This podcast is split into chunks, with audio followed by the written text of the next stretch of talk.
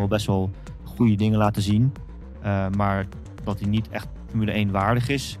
Uh, ja, ik denk dat we dat wel kunnen concluderen nu. Ik denk dat Lambia's al tien keer heeft gezegd... Uh, Max, die groene sectoren, ze zijn nergens voor nodig. En nu, ik wil niet klinken als Patrick complot boeken... maar ik heb het idee dat er over gesproken is. dat ze dit niet weer op willen raken. Het is, niet het is niet verrassend dat we die podcast award niet gewonnen hebben nu. Nou begrijp ik het hoor. Oh my lord! I pressed it! Traffic paradise! No no, no! No! It's called a motor race, okay? Sorry? We went to car racing. Ja, mensen, welkom bij de allerlaatste aflevering, in ieder geval normale, reguliere aflevering van het seizoen van de Boordradio. Uh, we zijn, uh, ik ben net terug uit Abu, Dhabi, uit Abu Dhabi vanaf het circuit, het Yas Marina circuit.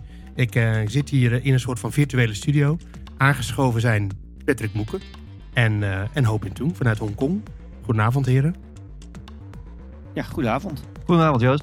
Uh, en ik ben uh, Joost Nederpelt, dus uh, de Formule 1-verslaggever van nu.nl. wij gaan napraten zonder weer, zonder Bas Scharwachter, want die zit nog steeds in Qatar, waar net het wereldkampioenschap voetbal is begonnen. wonderwel is hij nog steeds niet opgepakt, dat, dat moeten we er ook bij zetten. Dat is, lag wel een beetje in de lijn der verwachting. Het, het scheelde niet veel, hè? Het scheelde niet veel. maar um, nee, hij, hij, is nog operationeel daar. maar we moeten het nog even zonder hem doen. waarschijnlijk blijft hij wel een maand in Qatar en... Nou ja, eh, mensen kunnen zich niet voorstellen hoe blij Patrick en ik daarvan worden dat het gewoon een maand rust, geen Bas wachten. Nee, hij is een geweldige presentator en we missen hem natuurlijk in deze podcast. Dat zou ik niet uh, ontkennen. Maar uh, hij is echt strontvervelend buiten de, achter de schermen. Dat, dat moeten we ook gewoon eerlijk benoemen. Laten we eerlijk zijn. Moet ik het toch of niet? ja, nu, nu, het, nu het seizoen erop zit, kunnen we dat inderdaad wel stellen. Ach, ja, dat, Laten we het maar gewoon Je doen. weet ook wat ze zeggen. Al die, pedante opmerkingen van hem altijd. Je weet ook wat ze zeggen. If you're not at the table, you're on the table. Dus in dit geval Ja, was uh, van de akte. Onder table is hij zeker. Nee hoor, we houden van Bas. En um, nou ja, maar we gaan het wel zonder hem uh, nabespreken. Uh, we moeten natuurlijk een paar dingen bespreken. Sowieso uh, de, de laatste overwinning van Max Verstappen. 15 stuks in totaal. Um, ja, hoop in. Komt hij ooit nog over dit seizoen heen, denk je? Nou, ik denk dat dit wel echt een uitzonderlijk bijzonder jaar was natuurlijk. Als je die statistieken ook ziet, joh. Het is echt, natuurlijk is het zo 15 overwinningen. En volgens mij 19 keer top 10. Is dat eigenlijk iedere race die hij gefinished is? Dat weet ik niet eens. Maar echt, ja, dat is, fenomenaal natuurlijk. En dat is wel iets echt wat, wat ik denk dat dat moeilijk te, overtreffen zal zijn voor in de toekomst. Voor, niet alleen voor hem overigens, gewoon in zijn algemeenheid. Want dit is, ja, dit is natuurlijk een, een relatief uniek jaar. In die zin dat natuurlijk met de nieuwe auto's. Red Bull dat, die dat natuurlijk nou, iets langzamer uit de startblokken kwam. Maar daarna wel echt, natuurlijk echt in de roos geschoten heeft met die auto. En dat gaat volgend jaar waarschijnlijk wel anders zijn. Want iedereen heeft natuurlijk geleerd en die gaat het ook aanpassen volgend jaar. Ja, um, nou ja, degene van wie hij uh, dat record overnam, dat was trouwens al bij de vorige race. Tenminste niet de vorige race in Brazilië, maar bij zijn vorige overwinning was Sebastian Vettel. Uh, die nam afscheid vandaag. Patrick, traantje gelaten? Nee, ik denk dat het wel aardig rond is zo. Ik vond het wel mooi, toch uitgebreid in het zonnetje gezet. Hè? Jij hebt dat beter gezien, maar dat verdiende die ook volgens mij. Hij was wel goed dit weekend. En eigenlijk al de laatste weken is hij wel goed. Hè? Dat, sinds hij is, dat vertrek heeft aangekondigd, is het zeker niet slechter met hem gegaan. Maar ja, het is, het, is ook wel een, het is ook wel een beetje klaar. En, ik zag ook wel, ook wel grappig om te zien als je het dan ziet hoeveel die veranderd is, hè, die Vettel. Uh, hoe die erbij liep toen hij bij Red Bull was. Hè, dat vingertje. Hij had echt veel haters. Hè. In zekere zin, ik zie ook wel een klein beetje met, met Verstappen natuurlijk. Een soort bad guy was het af en toe. Ja. Ehm, en nu is het gewoon ja, een soort, ja, ik wil niet zeggen een vaderfiguur, maar wel iemand die, die de boel op sleeptouw neemt. En ja, meer is dan de, dan de Formule 1 zelf. Om het zo maar even te zeggen. Ja, ik denk dat je dat wel treffend samenvat inderdaad. Hij is wel een beetje bovenuit gestegen. Maar laten we het later nog over Vettel hebben. Eerst moeten we natuurlijk even de race zelf bespreken. Um, nou ja, ik, ik heb het vanuit het mediacentrum in, Abu Dhabi gadegeslagen. Uh, ik heb vooraf al geschreven dat Max Verstappen de grote favoriet was. En dat was geen hele vlijmscherpe analyse of zo. Daar was niet zoveel voor nodig. Het werd eigenlijk al vrijdag duidelijk dat hij zou gaan winnen. En um, uiteindelijk vond ik zijn voorsprong nog niet eens zo heel erg groot. Wat vond jij op in? Nee, ik ook niet. Maar volgens mij was hij ook wel redelijk aan het managen natuurlijk. En dat op een gegeven moment, zeker in de tweede stint na, na zijn pitstop, dat hij op die harde band ging. kon je eigenlijk heel duidelijk zien. En dat kon je vooral duidelijk aflezen, vond ik, aan het feit hoe makkelijk eh Perez erbij kon blijven. Eh, dat hij echt, ja, ze zaten natuurlijk op een andere strategie. En dat, is, dat geeft natuurlijk dan nog meer teken hoe eigenlijk, hoeveel Perez eigenlijk tekort komt. Dat Max dus op een één-stop-strategie st- zit. En eh, desondanks Perez, ehm, nou ja, niet, niet eens niet echt kan aanvallen, maar ja, niet in de positie ook is om aan te vallen. En, en dat is wel eh, natuurlijk voor hem pijnlijk, maar ja, het was, het was wel weer echt een masterclass natuurlijk. Ik, ik, zat, ik kreeg een beetje flashback naar, naar Mexico, bijna. Eh, op een gegeven moment zat ik in de race Ja, en dat dacht van, hmm, het is, dat, ja, het zijn wel echt veel rondes nog die hij moet doen op die harde band, maar volgens mij is hij echt heel erg aan het managen. En dat bleek ook wel, want het einde had hij ook nog gewoon over natuurlijk. En dat, dat radiobericht, dat, eh, dat, dat bleek natuurlijk ook wel uit naar zijn engineer. Dat hij zei dat de banden gewoon nog goed waren. Dus daar had, eh, het gat ja, was misschien niet zo groot, maar hoeft ook niet harder te pushen. Want ja, het, er was totaal geen dreiging. Nee, ik, ik zat er mee te, luisteren weer het, ja, het grootste gedeelte van de race met eh, Verstappen en eh Lambiase. En ze moesten hem echt eh, in bedwang houden. Ik denk dat Lambiase al tien keer heeft gezegd, Max, die groene sectoren, ze zijn nergens voor nodig.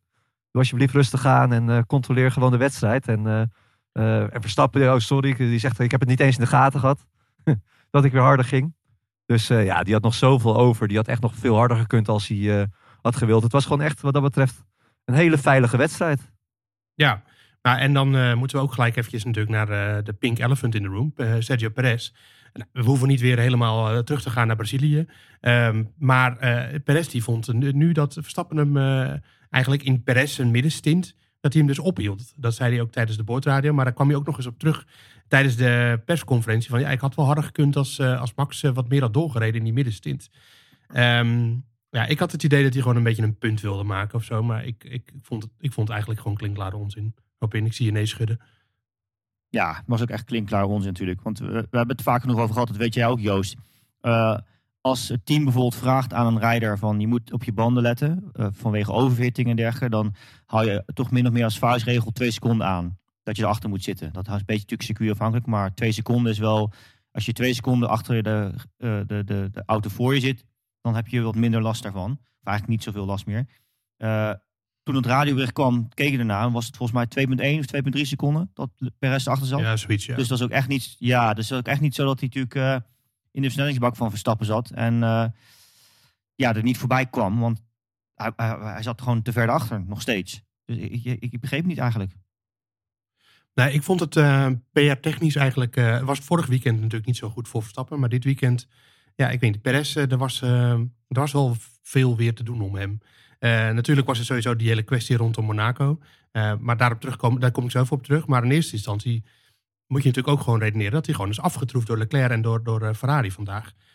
Ferrari viel mij heel erg mee qua ehm, race pace en qua bandenbehoud. Want het zag er vrijdag heel, heel slecht uit. En hun, hun race tempo was gewoon... Ja, ze hadden eigenlijk niet eens representatieve ehm, longruns. En eh, ze- daar klaagden ze zelf ook over. Maar Leclerc die zei zaterdag wel van ja, daar zijn we hard mee aan de slag gegaan. Nou, dat betaalde zich zondag uit. Maar als ik dan kijk naar Verstappen die gewoon met de Red Bull wint en de controleert en de race rijdt. En, Verstappen, en, Perez moet tweede worden. Hij hoeft eigenlijk alleen voor Leclerc te eindigen. Dat is, klinkt makkelijker gezegd dan gedaan. En dat lukt hem dan niet. Ehm, ja, dan denk ik, ja, misschien moet je ook iets minder hoog van de toren blazen. Patrick. Absoluut, ben ik helemaal mee eens. Ja, ja eens. Maar ik vind het wel grappig, joh. Wat, want wat, hij, hij zei echt dat hij door Verstappen werd opgehouden in die middensector. Ja, Want dat, ze zeiden dat ook nog eh, over tegen Verstappen van, kan je gas geven? En toen ging Verstappen meteen weer op zijn gas. En was hij volgens mij weer gewoon een halve seconde per ronde sneller. Ja, misschien heeft Verstappen ook wel even in de weg hoor. Dat, dat zou wel kunnen. En dat, daar kwam Verstappen zelf in de persconferentie ook heel even op terug. En die zei van, eh, nou ja, eh, misschien achteraf had ik daar iets meer gas kunnen geven. Maar ja, het is ook niet zo dat Perez eh, op zijn versnellingsbak zat of zo. Dus dat, eh, ja, Nee, precies. vond het een beetje, vond het een beetje groot. En natuurlijk, je moet eerlijk zijn, als je kijkt naar de, de race, hoe die verlopen is van Perez. Hij kwam één na twee rondjes tekort. Dus dat is secondenwerk. En die verloor hij onder andere met Pierre Gasly, waar hij best wel boos op was. Eh, maar die verloor hij misschien ook in dat ene rondje. Maar ja, eh, kom op, je had ook een andere ronde meer gas kunnen geven. Ja, precies. Het, waren 58 rondes. Dus op zich eh, had hij ook wel andere momenten waar hij misschien net wat meer tijd had kunnen pakken. Om dan niet die eh 1,2 seconden tekort te komen aan het einde van de race. En eh, ik, ik- wat ik zei, ik vind het een beetje onzin. Want hij zit er gewoon te ver achter. En ik snap het wel. Je zit op een totaal andere strategie. En je ziet heel duidelijk ook dat we zeiden dat Verstappen dus aan het managen is op dat moment. Omdat hij dus weet dat, dat hij maar één stop gaat maken. Eh Perez die moet pushen. Maar als je gaat pushen, dan zorg ook dat je ook daadwerkelijk pusht. En dat je dus... eh, ik, Verstappen zal nooit gaan verdedigen, bijvoorbeeld. En, en Verstappen Nee. weet ook dat hij op een andere strategie zit. Dus als Perez dat gat dichtrijdt en dan binnen die DRS komt... eh, laat hij hem gewoon voorbij. Gaat niet verdedigen, want je wil allebei geen tijd verliezen natuurlijk. Maar dat was allemaal niet het geval. Hij liep gewoon een beetje te klagen, terwijl hij er eh, meer dan twee seconden achter hing. Ja, inderdaad. Ja, en om dan het, eh, het kopje nog maar af te maken, Perez. ehm, eh, natuurlijk ging het dit weekend dan wel weer over Monaco. Nou, hij ontkende donderdag al dat hij daar ook expres is gespind in de kwalificatie. Dat hebben we natuurlijk vorige week uitgebreid aangehaald. Dat zou de reden zijn waarom Verstappen hem niet voorbij wilde laten. Dat hij daar nog boos over is. Ehm, er komt geen onderzoek naar. En dat is wel opvallend genoeg omdat de teambazen dat niet willen. En ja, Toto Wolf, eh, nou ja, ik, ik zie de Verstappen, de echte diehard Verstappen fans, die krijgen nu al een hogere bloeddruk als ik alleen Toto Wolf zeg. Maar die zei wel wat interessants. Die zei namelijk, ja, eh, we hebben net al een paar PR-crisis achter de rug dankzij dat team. En we hebben er niet nog één nodig. En eh, Zack Brown, die was ook heel erg overtuigend aan het zeggen van nee, die trein is al lang al vertrokken van het station en dan moeten we helemaal niet meer oprakelen. Eh, en nu, ik wil niet klinken als Patrick complotboeken, maar ik heb het idee dat er over gesproken is. dat ze dit niet weer op willen rakelen. Want vrijdagavond was er een bijeenkomst van de teambazen. En zaterdagochtend waren alle teambazen, die kregen deze vraag namelijk heel overtuigd van nee, nee, dat moeten we niet meer doen, dat moeten we niet meer willen. Ehm, dus ja, ik, ik heb het vermoeden dat dat, eh, dat dat besproken is. Wat denk jij, Patrick? Ja, dat als je dat zo zegt, dan moet dat haast wel. Misschien weten ze ook allemaal wel wat, eh, ja, eh, wat er precies gebeurd is. Hè? Dat ze zoiets, eh, misschien een dealtje hebben gesloten, zand erover, we gaan weer door. Ze hebben er misschien ook weinig mee te winnen. Hè? Het is ook niet kampioenschapsbepalend meer, denk ik. Alhoewel, ik kan me wel voorstellen dat het VIA er heel zwaar aan tilt als, als inderdaad wel bewezen zou worden dat, dat je opzettelijk crasht. Ja, dat is natuurlijk niet de bedoeling. Eh, maar het zou inderdaad ook wel een smet, grote smet weer voor de hele sport zijn als, als zo'n rel zou uitkomen. Als zo'n je noemt het een complot, als, als zo'n complot inderdaad eh, waarheid zou zijn. Nieuwe ik. crashgate. Ja, Ja. nieuwe crashgate. Nou ja, maar dat, Ja. dat. Precies, dat onderschatten mensen misschien. Maar dat zou best wel een grote rel opleveren. Als zou hij eh, daar Ja. opzettelijk eh, Ja. dat gedaan hebben. Maar vergeet niet, eh, het is natuurlijk, we hebben het daar in dit geval natuurlijk dan wel over de kwalificatie. Nou weet ik dat die in Monaco natuurlijk extreem belangrijk is. Vanwege het karakter van het circuit dat je niet kunt inhalen. Maar het is niet zo dat je echt het, het wedstrijdverloop natuurlijk, eh, nou ja goed, indirect wel misschien. Maar eh, op zondag worden de punten verdeeld. En er kan natuurlijk ook nog altijd van alles gebeuren. Je kan uitvallen, je kan, je kan eh, op zondag ook de vangrail raken, noem maar op. Maar dat is natuurlijk wel iets anders. Ik kan me in het verleden wel herinneren dat ik zat te kijken ook. Was dat niet Nico Rosberg? Die zich toen ook verremde. Ja, naar, naar- ja, precies. En, en ik heb er toen nog volgens mij, zat ik in de studio ook. Kon je heel makkelijk, want je hebt als coureur altijd referentiepunten. En ik, ik, ik keek gewoon naar het bordje zeg maar, langs de baan, waar hij op zijn snelste ronde eh, remde. En dan die ronde waar hij die zogenaamd dan zichzelf verremde. De- eh, die ging gewoon nog steeds, het, de, de, gasklep stond nog vol open toen hij daar voorbij reed. Terwijl die, die, die, die provisional pole ronde daar daarvoor deed. Eh, dus ja, er zijn wel meer van zulke soort incidenten. Monaco heeft toch wel een soort van patent op, denk ik. Ja, zeker weten. Ja, inderdaad. Maar eh Perez, eh, nou ja, dat kopje dat eh, moeten we dan maar afsluiten. Want er komt dus geen onderzoek normaal gesproken. Want als Toto Wolff het al niet wil en als Ferrari het al niet wil, die er misschien het meeste belang bij hadden. want ja, Sainz reed er natuurlijk tegenaan. Dan, dan gaat het ook niet meer gebeuren. Ehm, dan hebben we natuurlijk gelijk bij, bij Red Bull. Mag- ja, wat wil je zeggen? Mag ik één ding, Eén ding één zeggen? ding erover zeggen? Ja. Ja, toch resumerend, min of meer al gezegd, maar het is inderdaad wel schandalig dat Perez in deze auto eh, niet de tweede plaats in het Ja. kampioenschap heeft veiliggesteld. Ik Helemaal mee eens. denk dat we daar wel allemaal over eens zijn. Ja. Nou, Ja, om aan de ene nog, kant wel, nog maar- toe te voegen. Ja? Sorry, ja, ook nog eh, toe te voegen voor, voor, voor, voor, voor vandaag. Eh vergeet hem niet, we hebben natuurlijk, hij komt tekort en dan zit hij te, te klagen over Verstappen. Hij zit te klagen over eh, eh, Pierre Gasly, dat hij, dat hij wordt opgehouden. En vergeet niet dat hij zelf na zijn eerste pitstop op zijn auto natuurlijk ook bij het aanremmen van de, van de hairpin eh, Vettel toen eh, uitremde. Eh, zichzelf verremde, linksvoor blokkeert, doorschiet. Vettel die vervolgens weer voorbij komt, dan zit hij de ronde achter. Eh, verliest hij ook veel tijd mee. Dus eh, eh, het is echt, ligt echt, ook echt wel echt aan hemzelf natuurlijk. Dat, en dat vergeet hij natuurlijk even eh, voor het gemak. Ja, en ik denk wat we ook niet moeten vergeten is eh, dat, dat Leclerc in mijn ogen in ieder geval die tweede plaats in het kampioenschap ook wel meer verdiende. Eh, want die heeft drie races gewonnen sowieso dit seizoen. Eh, heeft denk ik het seizoen meer kleur gegeven dan Perez. Met de strijd aan te gaan met, met Verstappen natuurlijk. Uiteraard ging er van alles mis bij Ferrari uiteindelijk. Maar dat is ook niet altijd zijn schuld. Soms ook wel. Eh, maar ik vond eigenlijk wel de tweede plaats van Leclerc een meer rechtvaardiger beeld van dit, dit kampioenschap. En, dus ja, die gunde ik het eigenlijk ook wel meer. Hoe kun jij ook, denk ik. Ja, jawel, zeker. Terwijl, ja, ik zat wel, te- het, het, wel maar drie races gewonnen, hè, Ja, nee, uiteindelijk. dat valt heel erg tegen, tuurlijk. Eh, ja. Het, ge- het geeft, het geeft- ja, komt, komt wel door, door Verstappen natuurlijk. Maar ja, toch wel ook zeker in die eerste helft van het seizoen dat het wel spannender was natuurlijk eh, dan dat. En ja, drie wedstrijden gewonnen. Het, eh, echt wel weinig ja, uiteindelijk. Nou ja, Carlos Sainz die zei er na afloop over van... ja, we zijn, we zijn eigenlijk gewoon uitontwikkeld door, door Red Bull en door Mercedes. Ook in de tweede seizoen zelf. Eh, die was er eigenlijk best wel hard over. En, eh, en eigenlijk als je gewoon goed kijkt naar de lichaamstaal... en wat Leclerc allemaal zegt... dan is hij eigenlijk ook best wel negatief natuurlijk. Ehm, want als je... En als je dan luistert naar Binotto die zegt... ja, we hebben het doel bereikt... want we wilden gewoon weer competitief worden. Nou, dat zijn we. Eh, maar ja, het is natuurlijk niet voor het eerst dat Ferrari uiteindelijk de ontwikkelingsstrijd gewoon weer verliest. En, en dat is nu ook in het tweede seizoen zelf wel weer gebeurd. Dus ja, toch wel reden om daar achter de oren te krabben. Ook al waren ze vandaag dan best wel weer eh, relatief goed ten opzichte van Mercedes in ieder geval. Ja, en dat vind ik ook altijd mooi aan, aan Ferrari en Leclerc natuurlijk in dit geval. Als je die vergelijking trekt met, met Perez.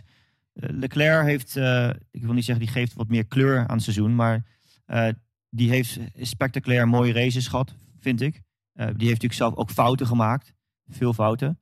Het team heeft veel fouten gemaakt en wat je zegt, dat, dat, dat zij het meer verdienen dan, dan Perez. Ik, ja, zeker als je teamgenoot zo dominant is. En je, ja, we hebben het natuurlijk in het verleden ook vaak over... eh, eh, de Ferrari-jaren met Barrichello bijvoorbeeld. Of zelfs eh, de afgelopen jaren met Hamilton en Valtteri Bottas.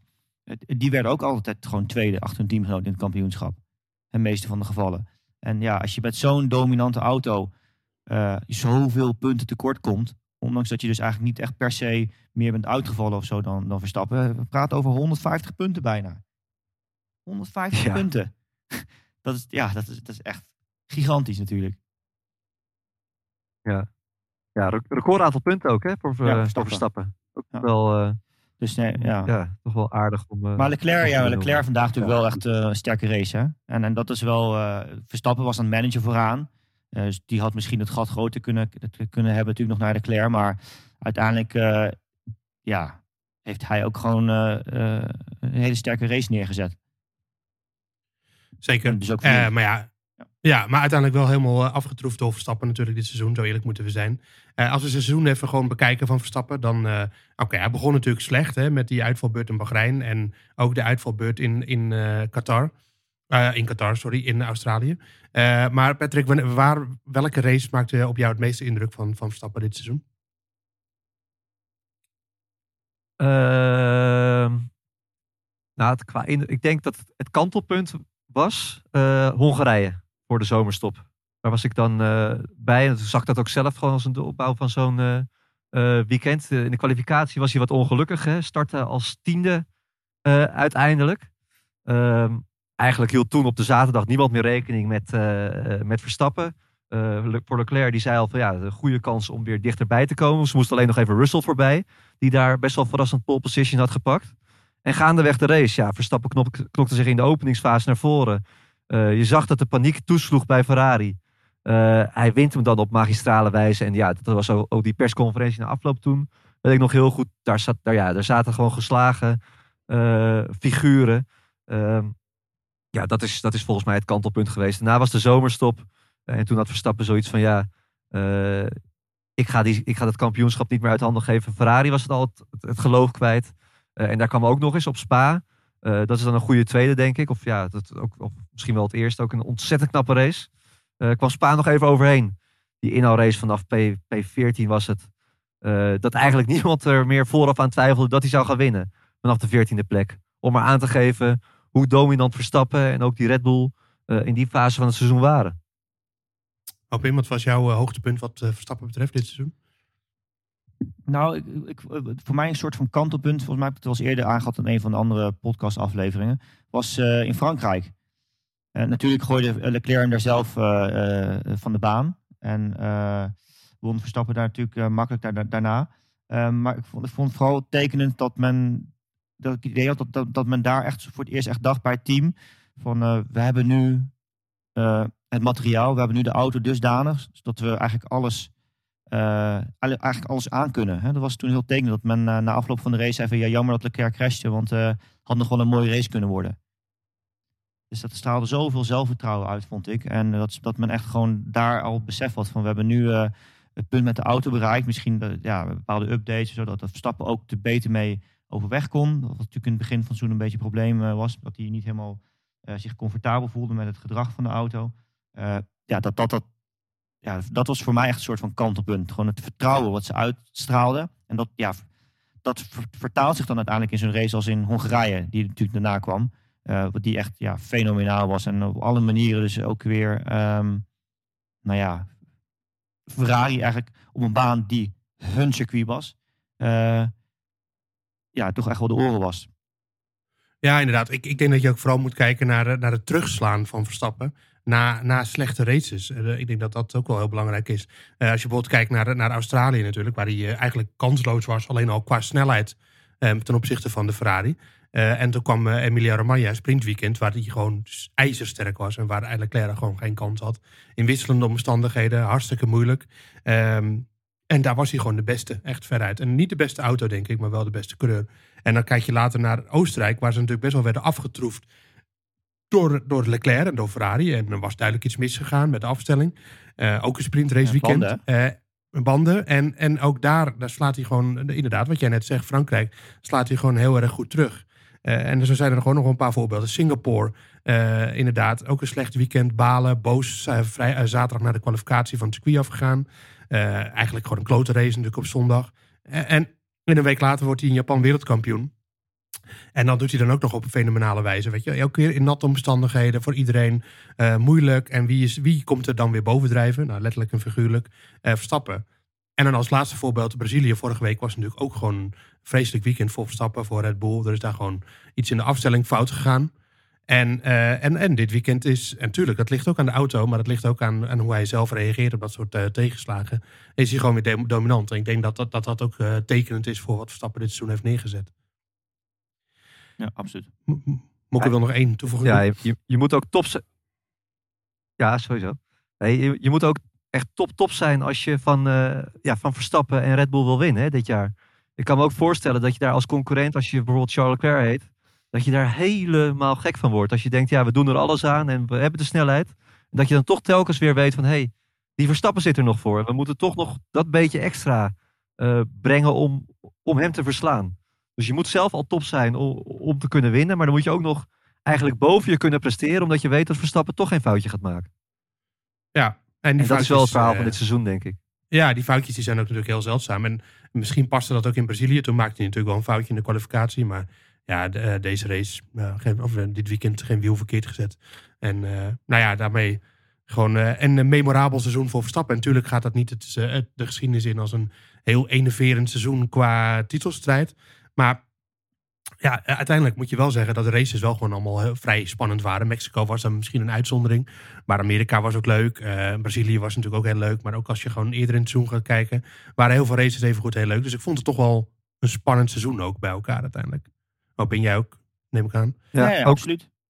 Ja, nee, natuurlijk. Verstappen, zeker de tweede seizoenshelft eh, vanaf na de zomerstop eigenlijk was... eh, als je puur naar de resultaten kijken, misschien enigszins saai. Maar ik vind dat we best wel een mooie race hebben gezien. Want eh, ja, wat, wat, je net al zei, eh, Patrick ook, die race op, eh, Bra- op, in Spa bijvoorbeeld. Dat, ja, daar zit je gewoon met... Dus ik zat met open mond te kijken naar die race. Ik dacht van wauw, echt onvoorstelbaar.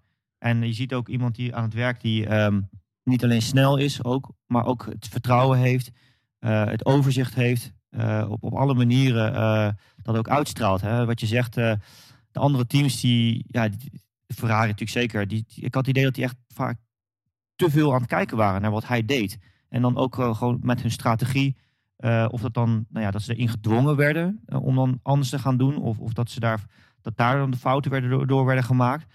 Of ja, het, het, het leek wel dat die, ja, het had ook een soort, soort van intimiderende factor begon het haast te, te worden. Op het functioneren Ja. van andere teams. Ja, wat natuurlijk ook niet meehielp, wat ook vaak is gebeurd. eh, Ferrari stond er dan vaak voor in de kwalificatie. Hè? En, eh, zeker in het begin van het seizoen dacht Leclerc, nou dan ga ik die race ook wel pakken. Maar als je dan weet dat telkens weer die Verstappen er voorbij komt, al dan niet door tactische eh, keuzes of gewoon door een inhaalactie op de baan. Ja, daar word je op een gegeven moment ook wel moedeloos van. Ook de laatste paar keer dat Leclerc dan op pole position stond. ook op zaterdag dat hij daar amper blij mee kon zijn. Dat hij toch wel wist van ja, met die race pace van die Red Bull is het zo goed. Het wordt gewoon een helse opgave om hem te winnen. Ook al vertrek ik van, eh, van pole position. En ook dat was weer de kracht van Verstappen. En ook Red Bull dit jaar. Eh, op welke positie ze ook starten. Ze waren altijd kanshebber voor de zege.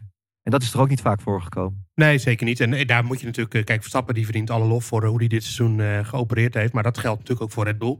En dat geldt in eerste plaats natuurlijk ook voor het technische team van Adrian Newey. Wat voor auto die hebben neergezet. Want inderdaad, als je gaat kijken naar races als Miami, herinner ik me dan... eh, mm, Ferrari was iets sneller in de bochten, maar het surplus aan topsnelheid op het rechte stuk was zo groot bij Red Bull dat ze gewoon eh, makkelijker ook wel voorbij gingen. Best wel veel races.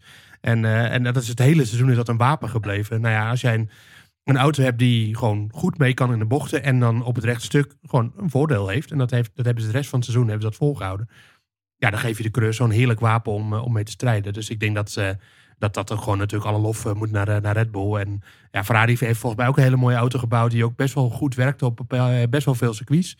Maar onder de streep gewoon afgetroefd door Red Bull. Ja, mis- misschien was het ook wel te veel gevraagd als we zagen waar Ferrari vandaan kwam. Ja. Wel het eerste jaar weer dat Ferrari überhaupt een binnen de auto had. En ja, eh, ze waren heel snel, maar dan om een heel jaar vol te houden als echt een, in een titelstrijd, zo'n titelstrijd als deze, ja. Dat is misschien te ver gevraagd, maar ja, het zou wel Waarom? fantastisch zijn als we... Waarom? Nou ja, ze waren er toch een paar jaar uit. Ja, maar het is, Qua, qua echt Ja, maar winnen. het is wel, we hebben het wel over Ferrari. Hè? Je hebt het niet over een klein team natuurlijk wat in één keer komt kijken. Dit- ja, we hebben het over Ferrari. Dat is natuurlijk echt, ja, het is dit, hoe je het ook bent of keert. Het is gewoon een autoriteit. het- een, een, dat zou de standaard moeten zijn in Formule 1. Ja, maar dat is het natuurlijk al jaren Dat niet meer. klopt. Maar Het tegelijk, zou het Ja. moeten zijn. Maar, tegelijkertijd is het wel zo dat zij natuurlijk op basis van het afgelopen seizoen... eh, waar ze dus eh, nou ja, eh, meer windtunneltijd en SCFD-tijd hebben gehad dit jaar. Ze zijn vroeg gestopt met de ontwikkeling, met de ontwikkeling van de auto van vorig jaar om zich op dit jaar te focussen. We hadden het al aan in de voorbeschouwing ook. Eigenlijk, als het een jaar had kunnen zijn voor hen om een grote slag te maken, was het dit jaar. En uiteindelijk, hoe je er bent of keert, ja. ja, het gaat alleen maar moeilijker worden. Het wordt volgend jaar voor hen moeilijker dan, dit, dan het dit jaar was, denk ik. Ja, want het is gewoon een feit dat, eh, dat ze bij Red Bull voor volgend jaar meer naar Mercedes kijken dan naar Ferrari. Eh, dat is, dat Ja, is precies. gewoon zo. Ehm, nou ja, dan hebben we het eh, gelijk maar even over Mercedes, want daar hebben we het de hele podcast eigenlijk nog niet over gehad. Ehm, het vandaag natuurlijk gewoon best wel een moeilijke wedstrijd met, met een unsafe release voor George Russell. En natuurlijk een uitvalbeurt, hydraulisch probleem voor, voor Hamilton. Dat is misschien wel zorgelijk dat dat soort dingen misgaan, maar er was natuurlijk veel zorgelijker dat ze er in de kwalificatie en in de race nou, de race dan misschien nog enigszins, maar in de kwalificatie kwamen ze er al helemaal niet aan te pas. Kun je dat verklaren op in, eh, ze hadden het sowieso weer Nee. over stuiteren, maar waren er misschien nog wel meer oorzaken. Ja, het is gewoon, ik, ze waren natuurlijk heel erg aan het experimenteren ook met veel achtervleugels in de vrije trainingen. En het, dat, dat, ik had haast het idee dat het daar eigenlijk al uit bleek van dat ze, ik wil niet zeggen dat ze zich hadden neergelegd erbij, min of meer, maar eh, ja, ze waren zich gewoon echt aan het focussen van wat, wat kunnen we nog iets eh, doen om het te laten werken. Want ik had het idee dat ze vanaf het begin van, van het startmoment al zoiets hadden van we komen eigenlijk snelheid tekort. En ze waren echt heel erg zoekende. En, en dat zag je bij andere teams natuurlijk ook wel. En dat is natuurlijk een beetje inherent aan het circuit met die, ja, die twee langrechte stukken erin. eh, waardoor die topsnelheid belangrijk is. Maar bandslijtage was denk ik wat hoger dan veel mensen hadden verwacht ook dit weekend. Eh, ja, ik, weet- ik weet niet. Ik, ik, weet niet of er één ding aan te wijzen is. Maar het circuit is ook hobbeliger overigens hè, dit jaar dan, dan het voorheen was. Dat, dat, we- dat viel ook best wel op. Ehm, meerdere factoren denk ik. Maar ik ik ben er blij bij. Ik heb het wel eens eerder gezegd ook eh, dit jaar. Ik denk dat Mercedes motorisch gezien qua powertrain eh, ook gewoon niet sterk genoeg is. In ieder geval niet meer eh, de, de leidende positie heeft die ze in de afgelopen jaren natuurlijk altijd hebben gehad. Nee, eh, als je gaat kijken naar de, de, de, PK's, dan, dan is wel de algehele lezing dat Ferrari de sterkste motor heeft. Alleen niet de betrouwbaarste motor. Dus die, eh, die motor kan ook niet altijd voluit draaien. En nou ja, dat, we hebben het al een tijdje niet gezien, maar die stopt er natuurlijk ook wel eens mee. En ze hebben volgens mij ook de meeste motoren gebruikt van het hele jaar.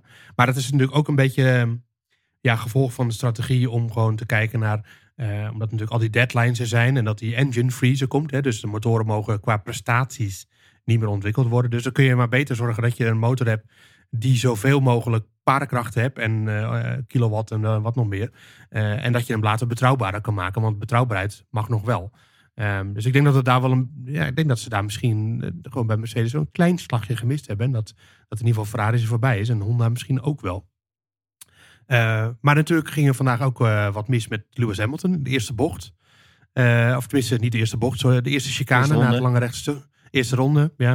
Ik ben een beetje moe na een heel jaar en een weekend Abu Dhabi. Ehm, ja, situatie. Het was gewoon een, eh, een bocht 6 was gewoon een kopie van, eh, van vorig jaar, eh. Ja, dat zei Sainz ook. Hè? Die had het nog goed in zijn geheugen eh, staan. Over het broodje Hamilton had hij ook nog geluk trouwens. Dat hij al niet daar meteen stuk ging. Dat was wel een extreme vorm van porpoising. grapten we hier al op de, op de redactie. Dat gestuiter. Maar ja, nee, wat je zegt Joost, een herhaling van vorig jaar. Had er overigens weinig moeite mee om, om hem weer in te halen. Hè? Half rondje later volgens mij was het. Wat dat betreft deed het hem niet heel veel eh, eh, pijn. Ja, het, is, het past eigenlijk wel in zijn seizoen hè, van Hamilton. Als je ziet hoe deze race eh, ging. Het was het telkens net niet. Uiteindelijk valt hij dan uit. En dat moeten we misschien ook nog wel even benoemen. Het eerste jaar ooit waarin hij geen Grand Prix heeft gewonnen. Sir Lewis. Ja, hoe je het ook bent of keert. Als je dat aan het begin van dit jaar had gezegd. ik denk dat niemand dat had verwacht. Als je zag in hoeverre die vorig jaar natuurlijk nog voor de titel streed. Nee, ik zie onszelf nog staan in eh, Bahrein dat die auto's gepresenteerd werden. Eh we hadden ze natuurlijk nu in Barcelona al gezien, maar toen zaten er nog conventionele sidepods op. Eh, en in, Barcelona, of in Bahrein kwamen ze opeens met die eh, ultra slim sidepods. En toen dacht iedereen, nou, daar gaan we weer. Weer een jaar van Mercedes-dominantie. Maar eh, ja, Hamilton zaterdag na de kwalificatie was hij niet echt positief over dat ding, zoals hij de Mercedes W13 omschreef. En eh, hij wilde er eigenlijk helemaal niet meer mee rijden. En, eh, maar hij moet, dinsdag moet hij er ook nog mee in actie komen. Want dan is er nog een bandentest hier. Daar rijdt Verstappen bijvoorbeeld ook. En Nick de Vries voor Alfa Tauri. Oh, ja. Ehm, dus dan moet hij nog een dagje moet hij, eh, in dat ding rondrijden. En dan, nou ik weet niet of ze hem in het Mercedes, eh, Mercedes, eh, Mercedes Museum durven te zeggen, zetten. Maar ik, ik denk dat ze deze auto snel willen vergeten en dan door naar de volgende. Ehm, en ja, al met al voor Hamilton gewoon een heel teleurstellend seizoen. Op in, denk jij? Ja, toch een eh, ongeluksgetal dan misschien hè, voor eh, Hamilton, 13. Ja, ik weet niet hoe bijgelovig Hamilton is, maar het- ik, ja, Ja, misschien ben de ik... W13. Het, het- ik, ik weet niet, ik wil niet te vooroordelend Oh, zijn, ja. maar Niet eens over nagedacht. Eh, Hamilton zou Ja. wel iemand kunnen zijn die een beetje bijgelovig is. Maar eh, ja, het, is- het komt toch uit. De W13. Slechtste auto voor, eh, van Mercedes in ieder geval de tijd dat Hamilton daar zat. Eerste auto waarmee hij geen Grand Prix wint. Ja, dat is toch wel eh, treffend. Ja. treffend. Vro- vroeger sloegen ze natuurlijk ook eh, nummer 13 over, toch? Toen je nog niet zelf je nummer mocht kiezen. Werd er nooit met nummer 13 eh, gereden. Nee, ja, ik, eh, ja, ja. ik kan me nog herinneren dat de Red Bull toen eh, een paar jaar geleden de, de RB13 eh, presenteerde. En dat was ook de tagline erbij was Unlucky for some. Dat was toen eh, voor, voor hen. Oh, Ja, ja, maar- ja. Maar ook voor Ook- Red Bull, ja. Ook geen goede auto. nee, was ook een belabberde auto. Ja. Nee, inderdaad. Nou ja, en eh, dan eh, nog eh, heel even om de top af te sluiten. George Russell, ja, unsafe release, dat, dat hielp niet mee. Maar eh, ook hij had niet echt de pace, denk ik, om, om iets uit te richten vandaag. Nee, die unsafe die vijf seconden, dat, hij, had- ja, dat maakt het eigenlijk uiteindelijk niks uit natuurlijk. Hè, want hij is ja, meer dan 10 seconden achter eh Sainz gefinished. Dus ja, nee. Nee, inderdaad. En Wel een knap seizoen van Russell. ja, nee, Gewoon als je, als je even uitzoomt. Ik denk dat hij best, eh, best tevreden zal zijn met waar hij eh, waar die nu geëindigd is. Gewoon eh 35 punten meer gescoord dan Hamilton. Misschien iets minder pech gehad dan, dan Hamilton, maar toch. Eerste seizoen bij een topteam. Ik denk dat we allemaal wel hadden verwacht dat Hamilton nou ja, gehakt van hem zou maken. In ieder geval dat, dat Hamilton in de meeste races ervoor zou staan. En dat was zeker niet het geval. Gewoon vanaf de eerste race zat hij op de pace. Kon zich goed meten met Hamilton, ook in de kwalificaties. Eh, ja, hoewel Mercedes geen topauto had natuurlijk, denk ik dat hij heel tevreden zal zijn. Met hoe zijn Ja. eerste jaar eh, eh, daar is verlopen. Nee, ik, ik, je ziet gewoon heel duidelijk dat, dat in, in de paddock, en dat zal je ook gezien hebben, dat, dat Russell gewoon al geaccepteerd is als een topcoureur. En dat het dus ook volledig vanzelfsprekend was dat hij won in Brazilië natuurlijk. Het enige wat ik wel denk is van, van Russell, dat als het uit een normaal seizoen zijn geweest voor Mercedes, eh, dat hij dan het lastiger zou hebben gehad voor Hamilton. Dus dan zouden ze gewoon om de zegen strijden. Dan zou Hamilton niet met een auto rijden waarmee hij niet helemaal eh senang is. En eh, waar hij tegen problemen aanloopt die hij normaal natuurlijk de afgelopen jaren niet had. En ik denk dat het wel een ander seizoen was geweest. Maar, maar toch een super knappe prestatie. Ehm, nou, dan moeten we nog even terug naar Vettel. Hoop in, jij hebt natuurlijk ook best wel van dichtbij meegemaakt. Wat, wat is jouw belangrijkste herinnering die blijft kleven van, van Vettel? Ehm, nou ja, belangrijkste, nou ja, vier wereldtitels kan je natuurlijk niet omheen. Laat dat we dat eh, voorop stellen. Eh, ik, ja, ik, ik weet nog heel mooi die race Monza destijds hè, met eh Toro Rosso die die won. Was natuurlijk een onwijs mooi moment. Ja, iedereen heeft denk ik wel verschillende, verschillende herinneringen aan, aan Sebastian Vettel. Ik bedoel, vrije training die hij toen reed voor BMW Sauber. Ik weet nog wel, Suzuka was dat volgens mij dat toen naar, naar hem zat te kijken. Eh, ja, er zijn heel veel, veel, veel momenten. En wat ik persoonlijk heel mooi vind, ik had het vanavond ook nog over met, met wat andere vrienden. En eh, die, ja, die zeiden van, ja, Vettel, eh, we hoorden hem natuurlijk allemaal spreken na afloop van de race. En natuurlijk veel andere onderwerpen die hij aanhaalde van de grotere boodschap. betekenis van het leven. Het werd haast filosofisch werd het. Maar ehm, nee, in het begin van, ik denk, begin van zijn carrière was het natuurlijk echt een beetje, ja, ik wil niet zeggen arrogant kwam die vaak over, maar het was toch een beetje, nou, een beetje een air had hij. Eh, dat, dat, dat, dat, vingertje waar heel veel mensen ook altijd eh, over vielen als hij als die weer gewonnen had. Eh, maar dat is in de laatste paar jaar natuurlijk echt wel helemaal gedraaid. Het is echt, wat je zegt, hij is echt, dat, dat blijkt ook wel uit hoe de andere coureurs dat eten, dat ze met z'n allen gegeten hebben. Alle de berichten, alle ehm, ja, nieuwsberichten, maar ook gewoon de persoonlijke eh, teksten die, die de coureurs over Vettel hadden. Dat is allemaal oprecht, denk ik. En dat is ook gewoon oprecht omdat het een, gewoon een toffe, toffe kerel is. Ja, je merkt echt aan alles dat, eh, dat Vettel gewoon een, eh, een persoon is die ontzettend wordt gewaardeerd in de paddock en door alle coureurs. Eh, heel veel mooie woorden, heel veel mooie anekdotes ook gehoord. Ehm, bijvoorbeeld van, van Christian Horner en ook van. eh eh nou, Mathieu Benochter zei vooral dat het hem zo zwaar was gevallen dat hij eh, in 2020 eh, zijn contract niet verlengde. Ehm, wat ik ook wel begrijp, dat het voor hem eh, heel, eh, heel vervelend was. Omdat ja, hij, eh, hij was gewoon een geliefd persoon binnen Ferrari. Alleen ja, hij presteerde natuurlijk niet zo goed meer. En dan moet je op een gegeven moment moet je natuurlijk toch wat doen.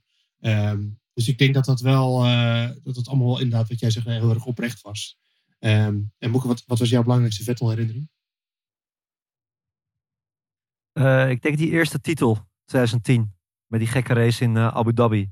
Waar die echt als outsider aan begon. Hè. Webber stond volgens mij nog bovenaan aan het kampioenschap bij het ingaan van de race, de teamgenoot. Ehm, nee, volgens mij was als een duveltje eh, uit een Alonso doosje was dat- de grootste kans hebben toen. Die stond aan de leiding. Ja, Oh, het ging tussen die Ja, drie. die- Ja. moet even- die werd opgehouden door, Vita, Precies. Maar hij was in ieder geval een van de... opgehouden door Vitaly Petrov in de race toen nog. Weet je nog? Ja, en Vettel ging er als een... eh, ja, die, die stal die, dat kampioenschap eh, eigenlijk weg. En daarna ook, ja, hoe, hoe dominant er was. hè. Ik ben ook benieuwd hoe we Vettel gaan eh, herinneren als coureur. Is, is hij een van de allergrootste ooit? Eh, want dat is het jammer aan die, die, die Ferrari-jaren daarna. Eh, hij was zo ongelooflijk goed in die Red Bull. Echt vergelijkbaar met Verstappen. Hoe, Verstappen, hoe, ja, hoe goed hij nu is in die Red Bull eigenlijk. Zo dominant. Echt eh, kon wi- winnen vanaf alle posities. Ook als hij wereldkampioen was, ging hij er gewoon nog met de zegers vandoor. Ja, het, het, ja, ongenaakbaar. Ja, ik denk dat je dat, dat, je dat zeker kunt stellen. Ehm, inderdaad, ja, ik vond hem bij Ferrari nog best wel vaak best wel goed. Eh, hij heeft natuurlijk wel 14, 15 races gewonnen voor Ferrari, dus het was niet heel beroerd. Eh, alleen het was natuurlijk wel een beetje een zwanenzang in 2020. Uh, toen werd hij natuurlijk wel langzaam door, eh, door Leclerc naar, naar de uitgang gedirigeerd. Ehm, nou ja, en, en dan die twee jaar bij Aston ja, die gaan we ons natuurlijk eh, niet heel erg herinneren. Uh, was stond hij natuurlijk nog wel op het podium twee keer eh, in Baku vorig jaar. En in Hongarije, wel die tweede werd hem later afgenomen. Ehm, dus ook heel onsuccesvol was nou ik niet, maar niet zijn hoogtepunt van zijn loopbaan. Ehm, dan hebben we nog een coureur waar eigenlijk voorlopig even vanaf afscheid werd genomen. Dat was natuurlijk uh, Daniel Ricciardo. Ehm, ja, ik maak me dus een beetje zorgen om die stap die Ricciardo neemt. Want uh, eigenlijk zei de Christian Horner, die zei eigenlijk wel ormbonden van... Ja, we hebben een bekend gezicht nodig voor showruns in steden en weet ik wat allemaal. En, en iemand voor in de simulator. En ja, dat kan Daniel mooi doen. dus het is niet zo dat hij... Ja, ik weet niet of hij nou de eerste in lijn is, zeg maar. Liam Lawson lijkt daar misschien wel een grotere kandidaat voor. Al stonden we gisteren even te bedenken wie nou het allergrootste Red Bull talent is. Of dat dan Yuki is, of iemand die in ieder geval rechtstreeks bijvoorbeeld in de auto van Perez zou kunnen zetten. Uh, ja, dan kom je misschien toch uit bij Ricciardo volgend jaar. Maar uh, voorlopig lijkt het daar helemaal niet op. En gaat hij echt gewoon een, een enorme bijrol betekenen. Dus uh, ja, als jij de manager van Ricciardo zijn, zou je dan eh, hem adviseren om dit te doen? Nou ja, we hadden het in de voorbeschouwing natuurlijk ook al erover. Ik snap persoonlijk echt niet dat, dat die niet harder gepusht heeft op die stoel bij Haas. Want de uit is toch echt wel eruit. En dat is best wel, ja, toch gewoon volgens mij onwijs lastig eh, om terug te komen. Eh, dat, dat is, daar staat gewoon eh, buiten discussie. En ja, zeker nu, dat- dat- wat je zei, ik vond het best wel pijnlijk dat dat ook gewoon heel oprecht, of heel duidelijk zo werd gezegd. Van ja, de Ricciardo die gaat gewoon, we hebben heel veel sponsors, zei ze volgens mij letterlijk. En daar moeten we veel activiteiten voor vervullen. En dat kan hij mooi gaan doen. Vanuit marketing opzicht snap ik dat, maar vanuit sportief opzicht eh, is het gewoon eh, moeilijk te begrijpen dat hij dat doet eh met jij Moeke. Ja, eens met, eh, met jullie. Ik denk ook dat hier. ja, Ik weet niet of het een soort zelfoverschatting is. Maar ik denk, ik denk eigenlijk niet dat hij hier nog heel goed op staat bij de meeste teambazen. Natuurlijk heeft hij wel zijn, eh, ja, zijn successen verdiend. Maar stiekem is dat toch alweer lang geleden. En ik denk toch dat ja, wat je gaat herinneren. Is ook vooral dit seizoen. En ook ja, vorig seizoen was het natuurlijk ook niet top top. En ja, dit jaar is hij helemaal om de oren gereden door Norris natuurlijk. Ja, nee, inderdaad, daar- ging het in de afloop nog even over met Norris. Eh, We hadden nog gesprek mee en die zei inderdaad ook van, eh, eh, van ja, was de auto nou zo goed of was jij zo goed? En Norris die grapte toen van, eh, nou ja, ik was zo goed. Maar nou, je weet hoe coureurs denken, die, die kunnen dat ook wel eens een heel klein beetje menen. Dat, dat ze denken dat zij zo goed waren. Eh, van Norris kun je in ieder geval zeggen dat hij eh, op een top weer gepresteerd heeft dit seizoen. Eh, maar ja, dat is gewoon einde verhaal van Ricciardo en eh Piastri logische vervanger. Die ook volgens mij dinsdag al in actie komt bij de bandentest. Ehm, dat geldt niet voor Nicolas Latifi. Ook afscheid van genomen. Ehm, ja, ik had zelf een beetje het idee van, natuurlijk, we kennen hem allemaal heel goed van de crash. En ironisch genoeg crashte hij dit jaar weer bijna. En weer kwam dat na een duel met Mick. Ehm, of hij crashte zelfs helemaal, maar hij, hij kon nu weer verder. Eh, ja, ik denk gewoon eh paydriver met eh, hele rijke ouders die weer uit de sport gaat. En dat, dat kan iedereen eigenlijk alleen maar goed vinden. Op in, zo eerlijk moeten we zijn toch?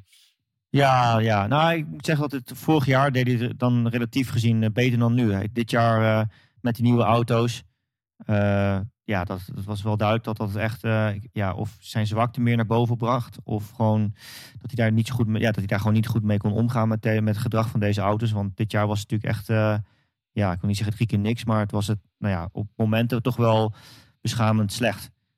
En, Ja. eh, en, en dat- ik denk niet persoonlijk dat hij zo slecht is. Want uiteindelijk heeft hij ook in Formule 2 en dergelijke ook nog wel best wel goede dingen laten zien. Eh, maar dat hij niet echt Formule 1 waardig is. eh, ja, ik denk dat we dat wel kunnen concluderen nu. En is Mick Schumacher wel Formule 1 waardig? Patrick? Ehm, ik vind in ieder geval dat Mick Schumacher nog wel een nieuwe kans verdient. Ja, vind ik. We, hebben toch bij Vlagen wel gezien eh, ja, dat hij nog wel redelijk kan racen. Hè. In Oostenrijk kan ik me herinneren, ook met Magnus onder andere. Ehm, heeft stiekem ook wel veel eh, pech gehad. Wat ook niet geholpen heeft natuurlijk, is dat Gunther Steiner op een gegeven moment tegen hem heeft gezegd van... Hé, hey, eh, Mick, je mag alles doen, maar je mag niet crashen. Ik denk dat het voor een coureur echt een waardeloze instelling is. Als je in je auto zit en je denkt dat je toch met de handrem erop moet, moet rijden. Eh, plus dat we ook bij Schumacher in zijn loopbaan vaak hebben gezien dat hij wat langzaam op gang kwam. En we hebben dit jaar toch wel, ja, in ieder geval ten opzichte van vorig jaar, een verbetering bij hem gezien. Dus ik zou Schumacher nog niet helemaal afschrijven. Al denk ik dat het ook voor hem lastig wordt om terug te komen naar een volwaardige eh, Formule 1 stoel. Ja, ja Mercedes longt heel erg naar hem. Maar eh, ik zie hem niet zomaar in de Mercedes zitten in 2025 of zo. Ik hoop in dat het een beetje onrealistisch toch? Nee, Nee. Ja, maar ik denk dat het daar, ja, denk dat misschien vervelend, maar het is daar natuurlijk een beetje hetzelfde verhaal als met Ricciardo, denk ik. Mercedes, eh, natuurlijk toch een Duits merk. Eh, de historie ook met zijn vader, die daar natuurlijk nog gereden heeft, daar zijn carrière heeft afgesloten. Eh, ik kan me voorstellen dat dat, dat dat ook PR-technisch weer een heel mooi verhaal zal zijn. Zeker. Nou, zo hebben in ieder geval een paar coureurs op een rijtje gehad die slecht gepresteerd hebben dit seizoen. Ehm, slecht gepresteerd heb ik ook in het GP-spel. Dat weet ik echt wel zeker.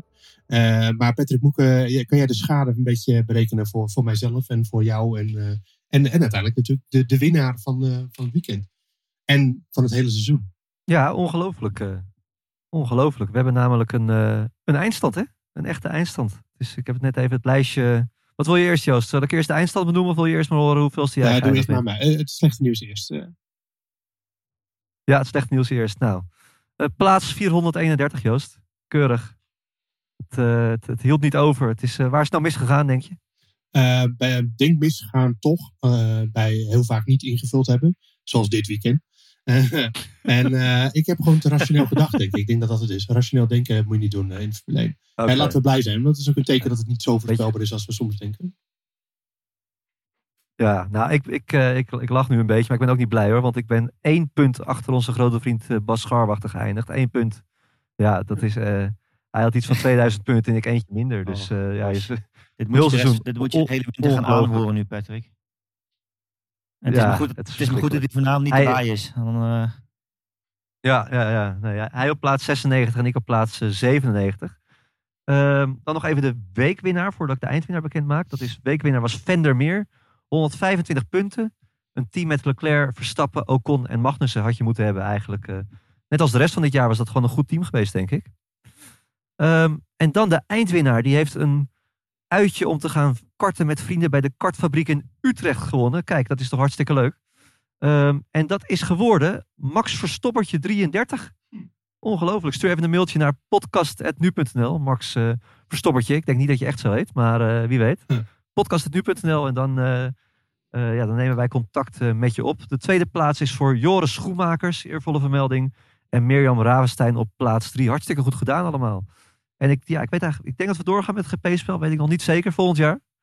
Maar eh, ja, wel hartstikke leuk nogmaals dat er zoveel mensen bij ons eh, hebben meegedaan. Volgens mij zijn het er bijna 2000. Dus dat zijn echt wel... eh, ja, je moet allemaal zelf eh, je aanmelden om bij ons in de subleague te komen. Dus hartstikke leuk en eh, goed gedaan. Ja, volgend jaar moet, graag eh, volgend jaar. volgend jaar moet Alpine ook meedoen. Laten we dat in ieder geval afspreken. ja, eh, Ja, klopt. Dat moet sowieso. Gewoon, gewoon invullen wat, eh, wat we in de, in de voorbeschouwing bespreken. Ja, precies. Dat hadden wij ook kunnen doen. Ja. Ehm, nou ja, dat was in ieder geval het GP-spel. En eh, nou, gefeliciteerd Max uh, Verstoppertje 33. Ik, ik, eh, ik was aan het hopen dat hij zou winnen, want ik vind dat de beste naam, moet ik eerlijk zeggen. Ehm, nou ja, dan moeten we... Ja, goede naam. gaat het Ja. gewoon- hoop in? Dat klinkt wel een beetje... Gaat het goed met je hoop in eigenlijk? Ah, Oké, nou, hij was een beetje aan het mensen, maar... Geen zorgen. Ehm, de- dan eh, is het eh, seizoen eh, zo'n beetje ten einde gekomen. Ik moet zeggen, eh, er was ook wel een hoop vermoeidheid in de paddock. Je zag een hoop echt wel ogen van, eh, van mensen die een beetje dicht zaten al half. zo van, eh, ik wil in het vliegtuig van naar huis. Eh 22 races, twee tests, eh, wintertests. Eh, ja, dat trekt een zware wissel natuurlijk op iedereen, ook op de coureurs. Eh Max Verstappen kreeg nog de vraag, eh, wat ga je in de winter doen? En eh, die zei heel duidelijk, nou zo min mogelijk. Ik denk dat dat voor heel veel mensen geldt. Niet voor ons, want wij moeten gewoon weer aan het werk. Wij moeten straks, eh, ik moet nog een beetje mee- meehelpen met het WK. En dat vind ik eigenlijk ook hartstikke leuk, dus eh, geen probleem.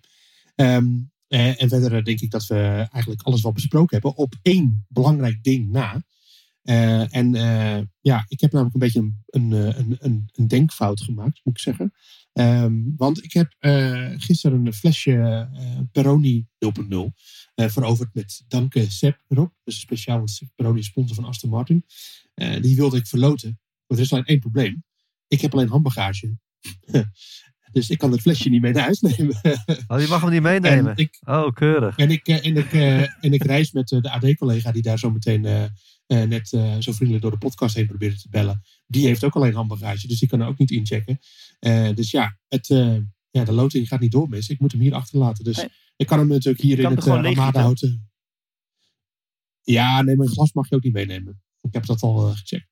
Dus eh, Oh. ja, een leeg, leeg flesje meenemen, dat, eh, dat vind ik ook weer zoiets. Dus eh, ik, ik laat hem hier achter in het Ramada Hotel eh, in Abu Dhabi. En eh, daar is hij op te halen voor de eerste gegadigde. Eh, maar ja, die loting gaat dus niet door. Dus ja, jammer de bammer.